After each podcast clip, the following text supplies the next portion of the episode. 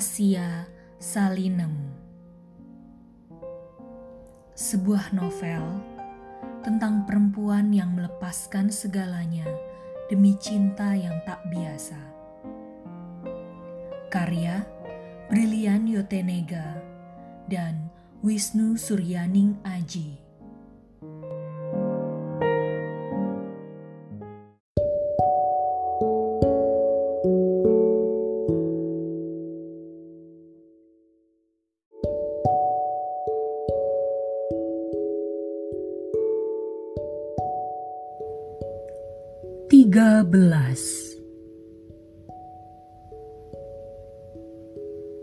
Sabtu pagi di minggu berikutnya, Tio kembali lagi ke Solo. Dari cerita sebelumnya, Tio sudah mengetahui siapa nama asli Mbah Kakung. Mbah Kakung sendiri yang menyampaikannya. Suparjo, veteran tentara pelajar. Dan cerita Mbah Parjo selanjutnya membingungkan Tio apakah ia harus tertawa atau menangis karena banyak kelucuan yang setelah terlewati waktu berubah jadi ironi. Mbah Parjo mengatakan, benar Salinem adalah orang yang tegar. Ia terus berpindah dari satu situasi berat ke situasi lainnya. Mbah Nem memang sudah mengalami hal-hal berat sebelumnya, tapi tidak ada yang seberat kematian Gusti Sukatmo. Pertama, kematian itu mengubah kondisi rumah tangga, menghancurkan ekonomi sampai ke titik terendah yang bisa mereka tahu. Kedua, tentu saja terjadi perubahan besar-besaran dalam cara mereka hidup. Eyang Kartina beserta anak-anaknya pindah ke rumah Prawit yang secara kebetulan mempertemukannya lagi dengan Mbah Parjo namun dalam kondisi yang sedemikian berbeda. Selepas serangan umum Surakarta 1949, Mbah Parjo kembali ke Sleman, kampung kelahirannya. Kemudian ia pindah ke Jogja. Di Jogja ia sekolah lagi, lalu jadi guru. Di masa itulah ia menikah dengan ibunya Gendis yang kemudian melahirkan Kalis. Kehidupan Mbah Parjo dan putrinya sepertinya memang apes. Ayah Kalis dan Gendis bercerai. Tio tak hendak menanyakan sebabnya, karena memang tak punya urusan dengan itu. Yang jelas hal itulah yang membuat mereka cuma bertiga di rumah itu. Sebenarnya Kalis punya kakak, tapi dibawa oleh bapaknya yang kemudian membesarkannya bersama istri barunya. Walau sebenarnya cerita keluarga Gendis dan anaknya tidak berhubungan apa-apa dengan hal yang dicari Tio, toh bisa menerbitkan perasaan kalau warung pecel itu memang harus didirikan. Warung pecel itu bukan cuma akan menjadi monumen buat Mbah Nem, melainkan juga membantu keluarga ini. Gumam Tio dalam hati. Sayangnya, otak-atik resep yang dilakukan Bu Lekning dan Bu Gendis tidak menghasilkan apa yang diharapkan. Tiap kali resep Bu Gendis dimodifikasi, bukannya menambah jelas resep Mbah tapi justru menjauhkannya. Sepertinya memang ada yang salah. Ini bukan lagi perkara takaran, ucap Bu Lekning. Sepertinya Mbah Nem memang menggunakan bahan selain ini. Lanjutnya, kita sudah mencoba takaran puluhan kali dan tidak ada hasilnya. Malah makin salah. Tio mencoba membayangkan Mbah Nem. Mbah Nem bukan orang yang suka bikin rumit sesuatu. Jadi seharusnya solusi resep ini sederhana. Tapi apa? Apa yang dilihat Mbah Nem waktu membuat bahan dan takaran resep itu? Tidak mungkin Mbah Nem membuat resep dengan bahan yang sulit dicari. Itu cuma dugaan Tio saja, karena detik ini pun ia tidak bisa memastikan apa yang terjadi pada Mbah Nem. Jika Mbah Nem bisa semengejutkan cerita dari Mbah Kakung, bisa jadi Mbah Nem juga berpikir lain ketika menyusun resep itu. Seketika, Tio merasa bahwa ia sudah berpikir dengan cara kelewat rumit.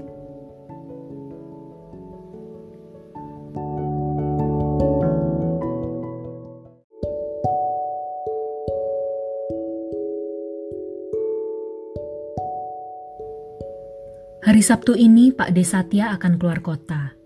Hendak datang ke sebuah pameran batik yang dilaksanakan hari Minggu besok di Jakarta, sehingga mumpung sedang di Solo, Tio dan Bule Ning mengantarnya ke bandara. Pesawatnya akan berangkat malam ini. Namun sebelumnya mereka akan menyempatkan diri untuk mampir ke rumah ngemplak. Kalian dapat naskah itu dari siapa?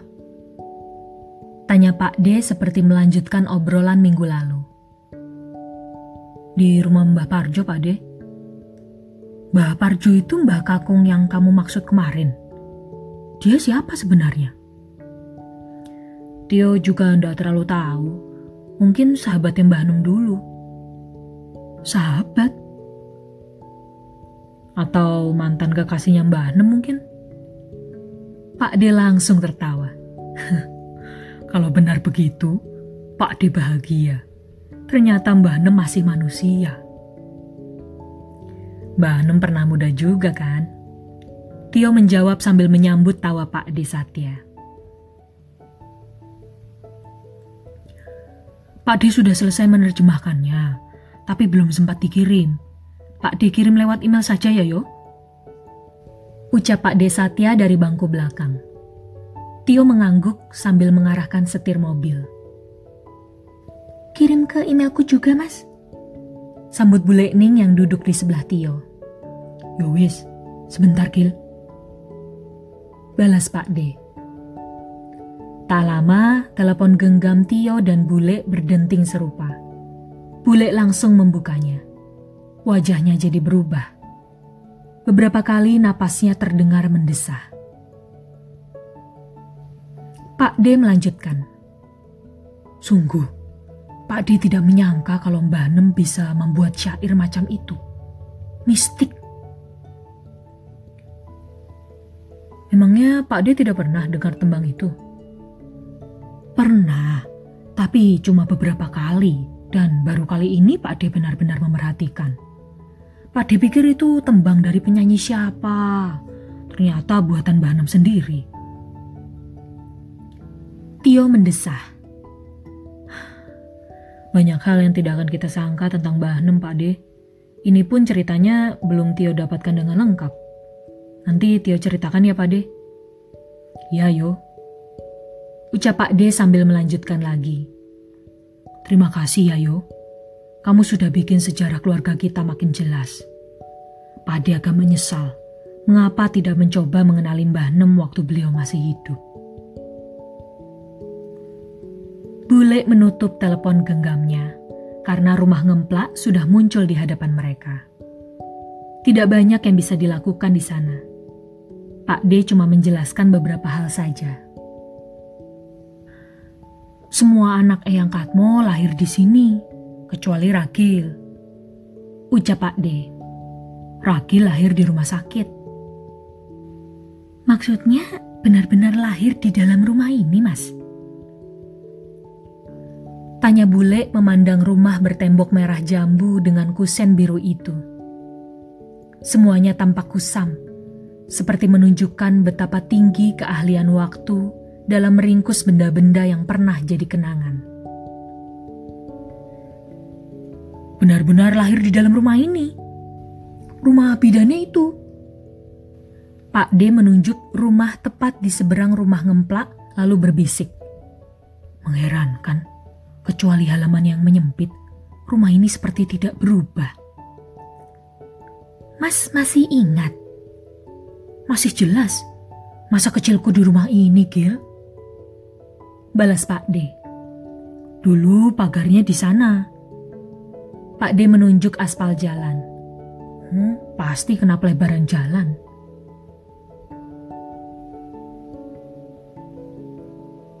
Ini memang jalan besar, gumam Tio. Dan di hadapannya berdiri rumah tua beratap segitiga bergenting tanah liat. Temboknya tebal, khas rumah Belanda gaya lama. dan barisan lubang angin berbentuk persegi panjang kecil. Pintu kaca kotak-kotak yang dicat biru muda tampak dipasangi tirai putih dari dalam. Begitu juga jendela-jendelanya yang berderet. Mungkin rumah ini cukup megah di zamannya. Namun hari ini ia jadi begitu janggal ada di sana. Seperti rumah yang digelas waktu, sementara sekelilingnya berubah jadi etalase pamer mobil, bengkel, dan deretan ruko. Dulu becak-becaknya disimpan di sana. Pak D menunjuk sisi kiri rumah. Ada bagian rumah yang agak memanjang dengan pintu lipat yang agaknya bisa dibuka hingga seluruh ruang dalamnya bisa terlihat. Sepertinya sekarang berfungsi jadi garasi. Kemudian Pak D menunjuk sisi kanan depan rumah. Mesin cetaknya dulu diletakkan di sana. Mas Satya ingat kejadian pas keluar dari rumah ini? Bule pelan bertanya. Ingat, jelas, dan Pak De heran. Lanjutnya, setelah keluar dari rumah ini, keluarga kita jatuh miskin. Kenapa Mbah Nem tetap bertahan? Entahlah, Mas. Desah bule menambahi. Ia terus memandangi rumah.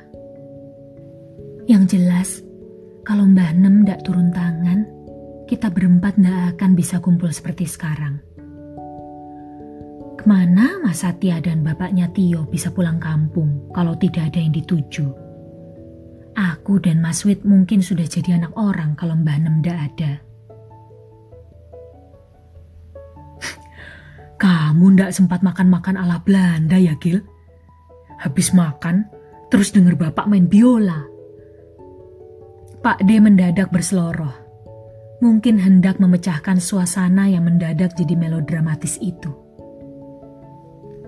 Kamu ndak pernah merasakan jalan-jalan pas katen, main mobil-mobilan, makan capcay di restoran Pak Burek, makan es krim tentrem, Sombong kamu mas, mentang-mentang pernah jadi anak orang kaya. Bule merengut tapi langsung tertawa. Kalau es krim tentrem pernah, wong masih ada sampai sekarang. Mereka berdua tertawa dan diam sejurus kemudian. Itu pelajaran paling berharga yang diajarkan jalan hidup kita, Ning. Bukan harta yang menyatukan kita, tapi perasaan saling menyayangi. Ah, mas, jangan bikin aku nangis. Bule tertawa lagi. Tapi tak urung jarinya mencolek sudut matanya sendiri. Kamu memang cucunya Mbah Nem yo. Kalau sudah maunya, benar-benar dilakukan. Ucap Pade Satya pada Tio yang bengong membayangkan suasana puluhan tahun lalu di rumah itu.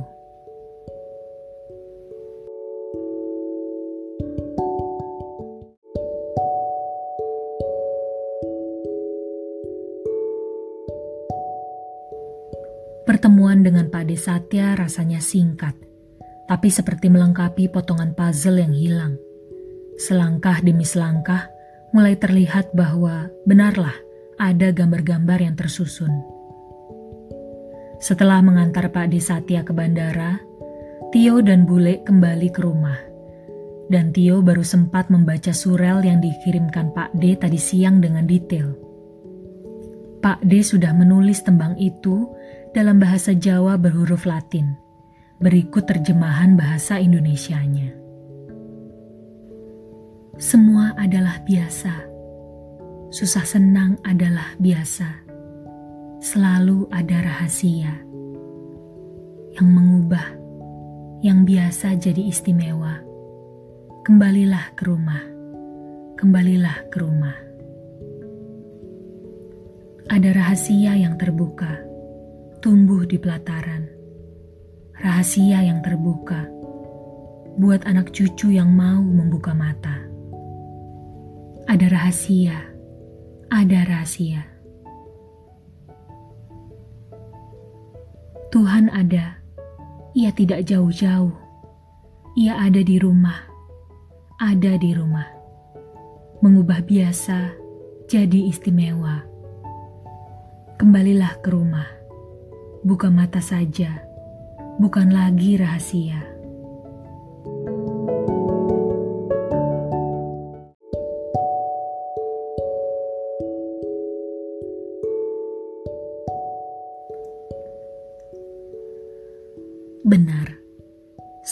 Kematian Mbah Nem, Tio jadi kembali ke rumah, menyusuri jalan-jalan yang ia tidak pernah tahu sebelumnya.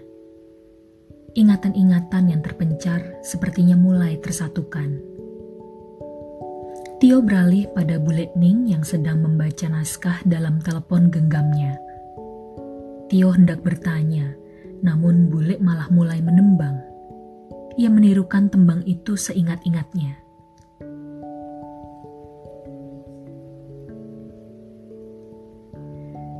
Bule jadi ingat benar suasana rumah perawit waktu itu. Bisiknya. Kalau dibayang-bayangkan, situasi waktu itu memang bikin sengsara.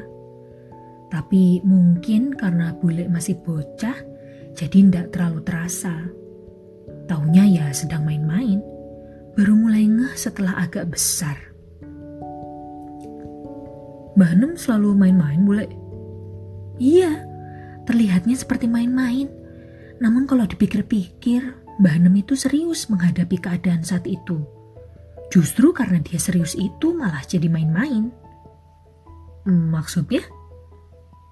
Ia tahu kalau masa itu berat dan ia tahu benar cara berkelit dari situ. Ia membuat rencana. Tidak mungkin orang begitu tidak serius kan? Tio mengangguk dan mulai membaca juga lirik itu dan berkata, Bule, apa yang dimaksud rumah dalam lirik ini ya? Mungkin maksud Mbah Nem Tuhan. Kita harus kembali ke Tuhan. Atau diri sendiri. Tambah Tio. Tapi kalau dihubung-hubungkan, tembang ini seperti bercerita tentang kematian. Mungkin itulah yang bikin Pak Desatya menganggapnya mistis. Tapi benarkah Mbah Nem berpikir dengan cara itu? Kalau benar, rumit juga pikiran Mbah Nem. Kalau dibaca-baca, syair itu memang tampak seperti itu, semacam syair pengingat saja. Bagaimana kalau yang dimaksud Mbah Nem memang benar-benar rumah? Ungkap Tio. Mbah Nem berbicara tentang rumah ngemplak atau rumah perawit. Apakah mungkin Mbah Nem ngarang tembang ini di ngemplak? Ya mungkin saja. Tapi kalaupun Mbah Nem membuat syair ini di rumah ngemplak, ah, bule juga ndak akan ingat. Waktu pindah ke perawit saja, bule baru umur beberapa bulan. Tio mencoba menanyakan itu pada Bapak dan Pak Desatya. Jawabannya serupa. Mereka tidak pernah mendengar tembang ini di rumah ngemplak. Bahkan seingat mereka di rumah ngemplak, Mbah Nem tak pernah nembang. Kalaupun menembang, jarang-jarang dan cuma lagu populer. Jadi sementara waktu, Tio menganggap bahwa tembang ini memang diciptakan di masa Mbah Nem tinggal di Prawit. Mungkin sebagai hiburan, buat masa susah Tio makin yakin bahwa kata rumah di lirik tembang itu memang menunjuk ke rumah perawit yang sekarang sudah punya pemilik baru. Boleh kita besok mampir ke rumah perawit ya? Buat apa lagi? Dia sudah bilang kalau rumahnya tidak dijual, bukan? Justru itu, Tio mau tanya-tanya. Ucapnya, mumpung besok hari Minggu, Hari Senin Tia sudah harus pulang ke Jakarta pagi-pagi. Malam itu Tio seperti biasa menginap di rumah Bule Ning. Dan malam itu ia bermimpi tentang warung pecel Salinem yang sudah berdiri di tanah yang mengubah perjalanan keluarga ini hingga bisa sampai di sini saat ini.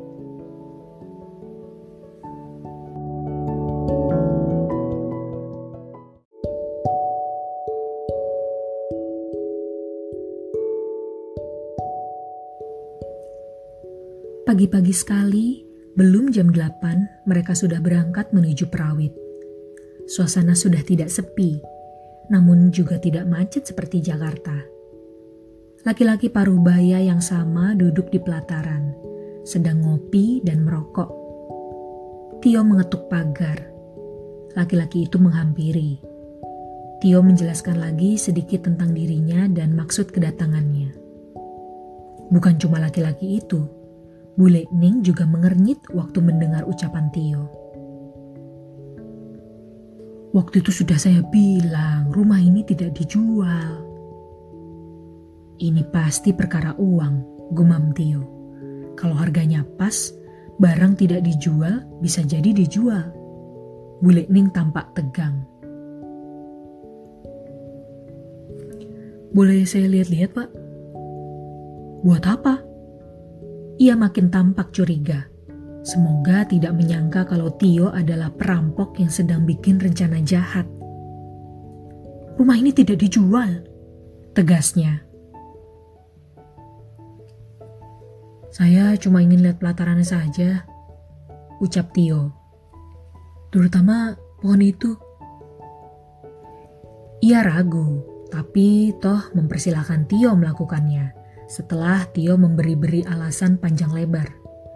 Cuma, laki-laki itu terus mengawasi setiap gerakan Tio lekat-lekat, termasuk ketika Tio mendekati pohon itu.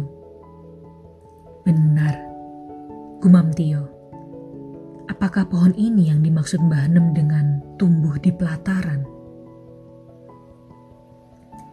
Tio menengok pada laki-laki itu. Benar kalau sebelumnya ada dua batang pohon di sini. Ia mungkin bingung dengan arah pertanyaan Tio. Siapa juga orang yang tidak akan bingung kalau tiba-tiba ada orang asing menawar rumahnya, lalu tanya-tanya pohon. Ia menjawabnya juga. Iya, sebelumnya ada dua pohon. Sebelumnya temannya tumbuh di sana. Ia menunjuk. Tapi sudah saya tebang karena mau membangun kamar mandi. Pohon ini juga mau saya tebang karena bikin repot mengotori halaman. Tio agak terperanjat. Pohon ini bikin teduh kan pak? Iya, tapi saya sudah tua untuk nyapu halaman terus. Tio tak mengomentari jawaban bapak itu dan berpikir kalau Mbah Nem mungkin akan senang menyapunya. Tio melanjutkan. Rumah sebelah dulunya bagian rumah ini, Pak. Laki-laki itu mulai santai. Ya, tahun 1989 saya menjualnya karena butuh uang. Bapak beli rumah ini tahun berapa? Tahun 1981. Jadi dia tangan kedua setelah Eyang Kartinah menjual rumah ini. Tio mengangguk-angguk lagi lalu berjalan lagi ke depan, menuju pelataran, dan sebelum pergi ia menyerahkan kartu nama. Ini nomor saya pak, tolong dihitung-hitung kalau bapak bersedia menjual rumah ini harganya kira-kira berapa. Ia cuma mengangguk-angguk dan menatap kartu nama itu. Bule Ning wajahnya masih tegang. Dan ketika di perjalanan pulang, ia bertanya, Yo, kamu benar-benar akan beli rumah itu? Kalau harganya pas, benar bule. Saya ingin membeli rumah itu. Memangnya kenapa? Sudah tanya Bapak, Pak Desatya dan Pak Lewit. Belum bule. Kenapa? Jangan kamu kira kalau bentuk rumah perawit sudah seperti yang kamu lihat tadi ya yo. Beda. Walaupun kamu punya duit, kamu harus pikir ulang lagi. Bule Ning diam sebentar lalu melanjutkan. Buat bule yang memang cuma ingat rumah itu ya ndak ada masalah apa-apa. Lain cerita dengan bapak, Pak D dan Pak Le. Uh, maksud bule rumah ngemplak itu bagus dan cukup besar di zamannya. Mereka sudah menyadari dan bisa saja ada trauma sama rumah perawit. Lanjutnya, kalau tiba-tiba sekarang kamu beli, apa ndak jadi masalah? Memangnya dulu rumah perawit seperti apa? Lalu bule menceritakan laporan pemandangan mata dari masa lalu. Ia menggambarkan rumah itu dengan cara yang begitu detail. Bule cuma tahu bentuk rumah ngemplak gara-gara kemarin kita ke sana. Yang jelas secara teori, makin jauh jaraknya, makin besar traumanya. Ini yang perlu kamu pastikan. Segitunya boleh? Boleh tidak tahu pasti, tapi ada baiknya kamu minta pendapat Bapak, Pak D, dan Pak Lekmu. Tio mengembuskan napas.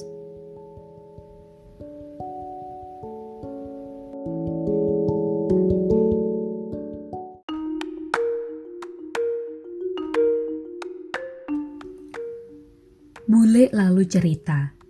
Kira-kira awal tahun 1966, Pak Desatya sudah pindah ke Jakarta.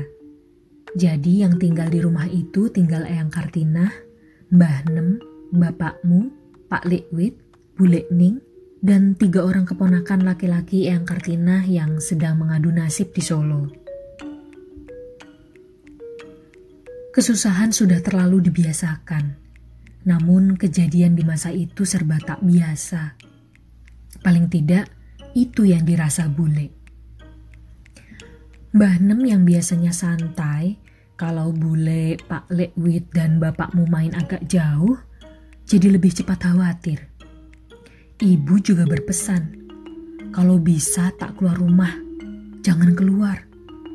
Ada bau aneh yang menyebar, semacam bau busuk. Setiap hari seperti selalu ada tikus mati. Paling tidak, tiap kali bule bertanya, jawaban Mbah Nem, itu bau tikus mati. Makin keras bau itu, makin mudah ibu dan Mbah untuk jatuh was-was. Bule Ning waktu itu tak sadar apa yang sebenarnya sedang terjadi. Mbah Nem sepertinya mengajak main perang-perangan lagi. Semua diajak, bukan cuma anak-anak, tapi juga keponakan-keponakan yang sudah dewasa. Dengan sekop, mereka menggali lubang di pinggir bagian dalam dinding rumah yang lantainya memang cuma tanah itu. Bule, Pak Le, dan bapakmu kesenangan saja karena permainan perang-perangan kali ini lebih seru. Hingga tiba suatu malam, bule tidak jelas mengingatnya. Tapi perasaan adalah pola-pola berulang. Bule tahu ada ketakutan yang turun dari langit seperti kabut. Mbah Nem masuk dengan tergopoh-gopoh. Ia seperti hendak menangis. Ada yang memfitnah kita. Di tangannya ada sebuah lentera yang sudah tak menyala. Ibu terkejut melihat benda di tangan Mbah Nem, lalu merebutnya. Bule tidak tahu mengapa lentera saja bisa membuat ketakutan semacam itu. Yang jelas, setelah itu Mbah Nem langsung membopong bule, berlari ke dapur, dan membakar selembar kertas merah yang tadi menyelimuti lentera itu. Walau masih kecil, bule sudah bisa merasakan kalau ini bukan lagi perang-perangan, sudah terasa bagai perang sungguhan. Bule mulai menangis tapi Mbah Nem bicara saja tidak. Ia cuma menempelkan telunjuk pada bibirnya. Bule segera diam. Semua lampu langsung dimatikan. Mereka masuk ke dalam lubang di tanah yang sudah digali sebelumnya. Mbah Nem menyusun papan-papan di atas kepala mereka sehingga tertutup rapat. Bahkan sebelum papan terakhir ditutupnya, satu tangannya masih bisa menarik meja. Orang ketakutan memang tenaganya jadi luar biasa. Mereka meringkuk sedemikian rupa, berhimpit-himpit di dalamnya. Beberapa kali terdengar suara senapan meletup. Sepi. gelap, lembab, panas. Tiba-tiba terdengar suara ibu. Wait. Tidak ada yang menjawab. Ibu kembali memanggil, tetap tidak ada jawaban, sementara di luar terdengar beberapa suara tembakan lagi. Wait mana? Seru ibu sambil tangannya mendorong dan menarik-narik, memeriksa apakah tubuh yang ditariknya adalah Pak Lewit. Wait, jawab. Pak Lewit tidak berada dalam lubang itu. Ia belum masuk. Ibu meronta-ronta, nyaris mencelat ke atas dan menjebol papan yang menutupi galian. Mbah Nem menahannya. Cepat, tanpa bersuara, Mbah Nem kembali menggeser papan-papan dan keluar. Ibu menyusulnya. Bule bisa merasakan kalau tangan salah satu keponakan ibu meremas lengannya. Terdengar satu tembakan lagi di luar. Dan seiring itu, ibu yang menggendong Pak Liwit masuk lagi ke dalam lubang. Mbah Nem menyusul. Ibu menangis, tapi Pak Liwit diam saja. Kaku.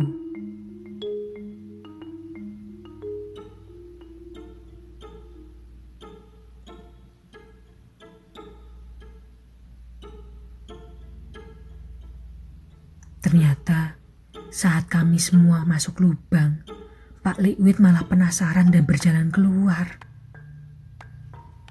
Apa yang dilihat Pak Liwit? Entahlah yo, desah Bule Ning. Bule cuma bisa menduga-duga. Tapi sampai saat ini Pak Lek tak mau menceritakannya. Bule juga takut untuk menanyakannya.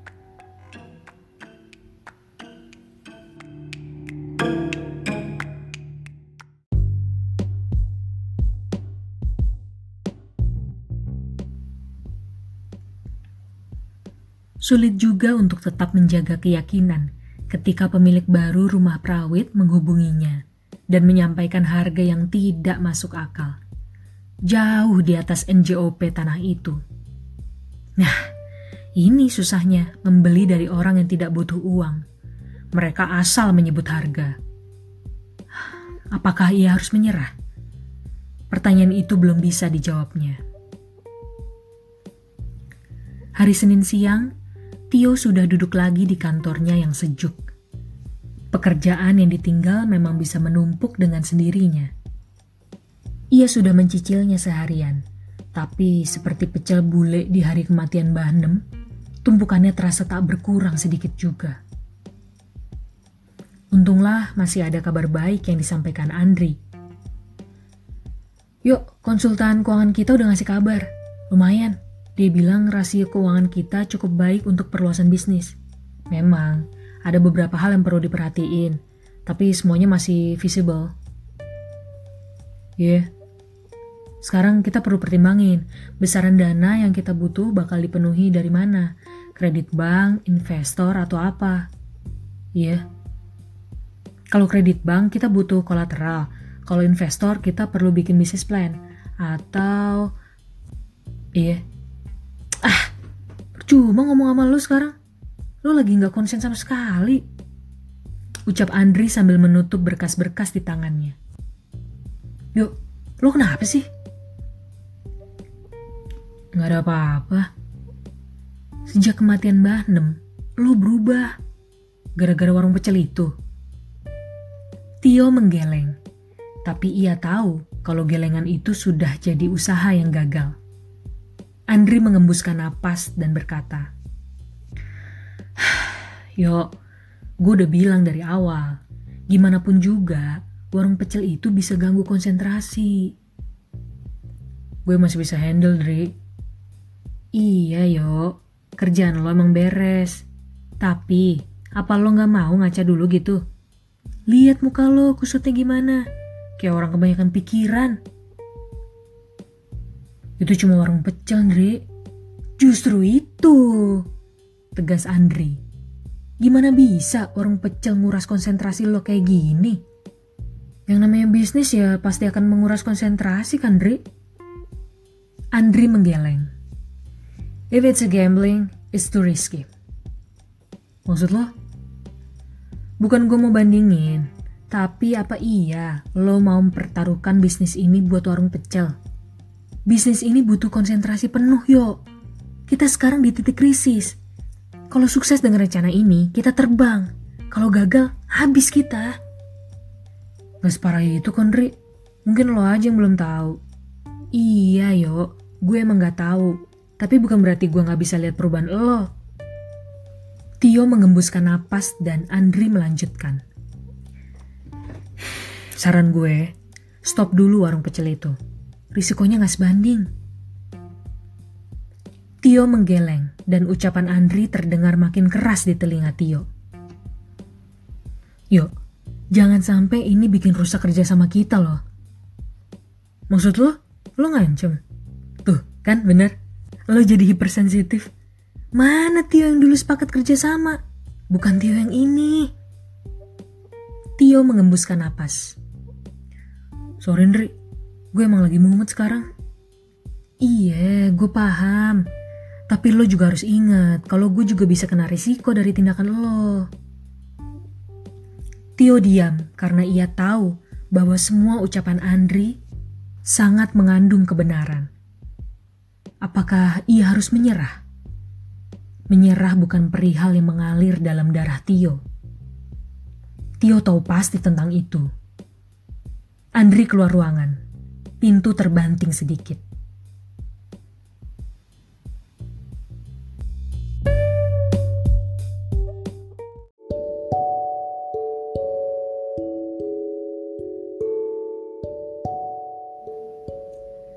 Esoknya, Bapak menelepon dengan tujuan yang tidak sengaja tersampaikan. Menambah rumit situasi. Yo, ada apa? Ada apa bagaimana, Pak? Pak Lewit nelepon Bapak barusan. Nanya apa benar kamu mau beli rumah perawit. Bapak malah belum dengar. Baru rencana, Pak. Pikir ulang ya, Yo. Ucap Bapak. Pak Le sampai bilang, kalau kamu beli rumah itu buat warung pecel, dia ndak akan pernah mau datang. Tio cuma menjawab, Iya pak. Karena ia bisa menduga apa yang dibayangkan Pak Lik tentang rumah itu. Kamu harus ngerti juga kalau rumah itu kenangan pahit. Pak Likwit nggak setuju. Bapak bagaimana? Bapak dan Pak Desatya biasa-biasa saja. Lanjut Bapak. Begini saja, kasih Pak Lek waktu. Bapak dan Pak D akan bicara sama dia. Tapi jangan kaget-kaget ya yo. Pesan Bapak kemudian. Tio tahu maksud Bapak. Jangan tiba-tiba sudah membeli rumah itu begitu saja. Tio memang tidak akan mendadak beli rumah itu. Bagaimana tidak? Uangnya saja belum ada. Tio tak lagi bisa berpikir karena kondisi yang ia hadapi sekarang adalah resep asli Mbah Nem belum ditemukan. Andri menentang rencananya. Pak Liquid trauma sama rumah itu. Dan dirinya sendiri tidak punya modal. Jalan-jalan seperti menutup dirinya satu-satu. Cuma satu yang tetap yakin padanya. Dewi. Kamu pasti menemukan jalannya, Mas. Tio tertidur sambil memeluk istrinya. Sebelum tidur, ia bercerita panjang lebar dan menutup cerita dengan kejadian memang lewat, tapi lukanya bisa tertinggal lama.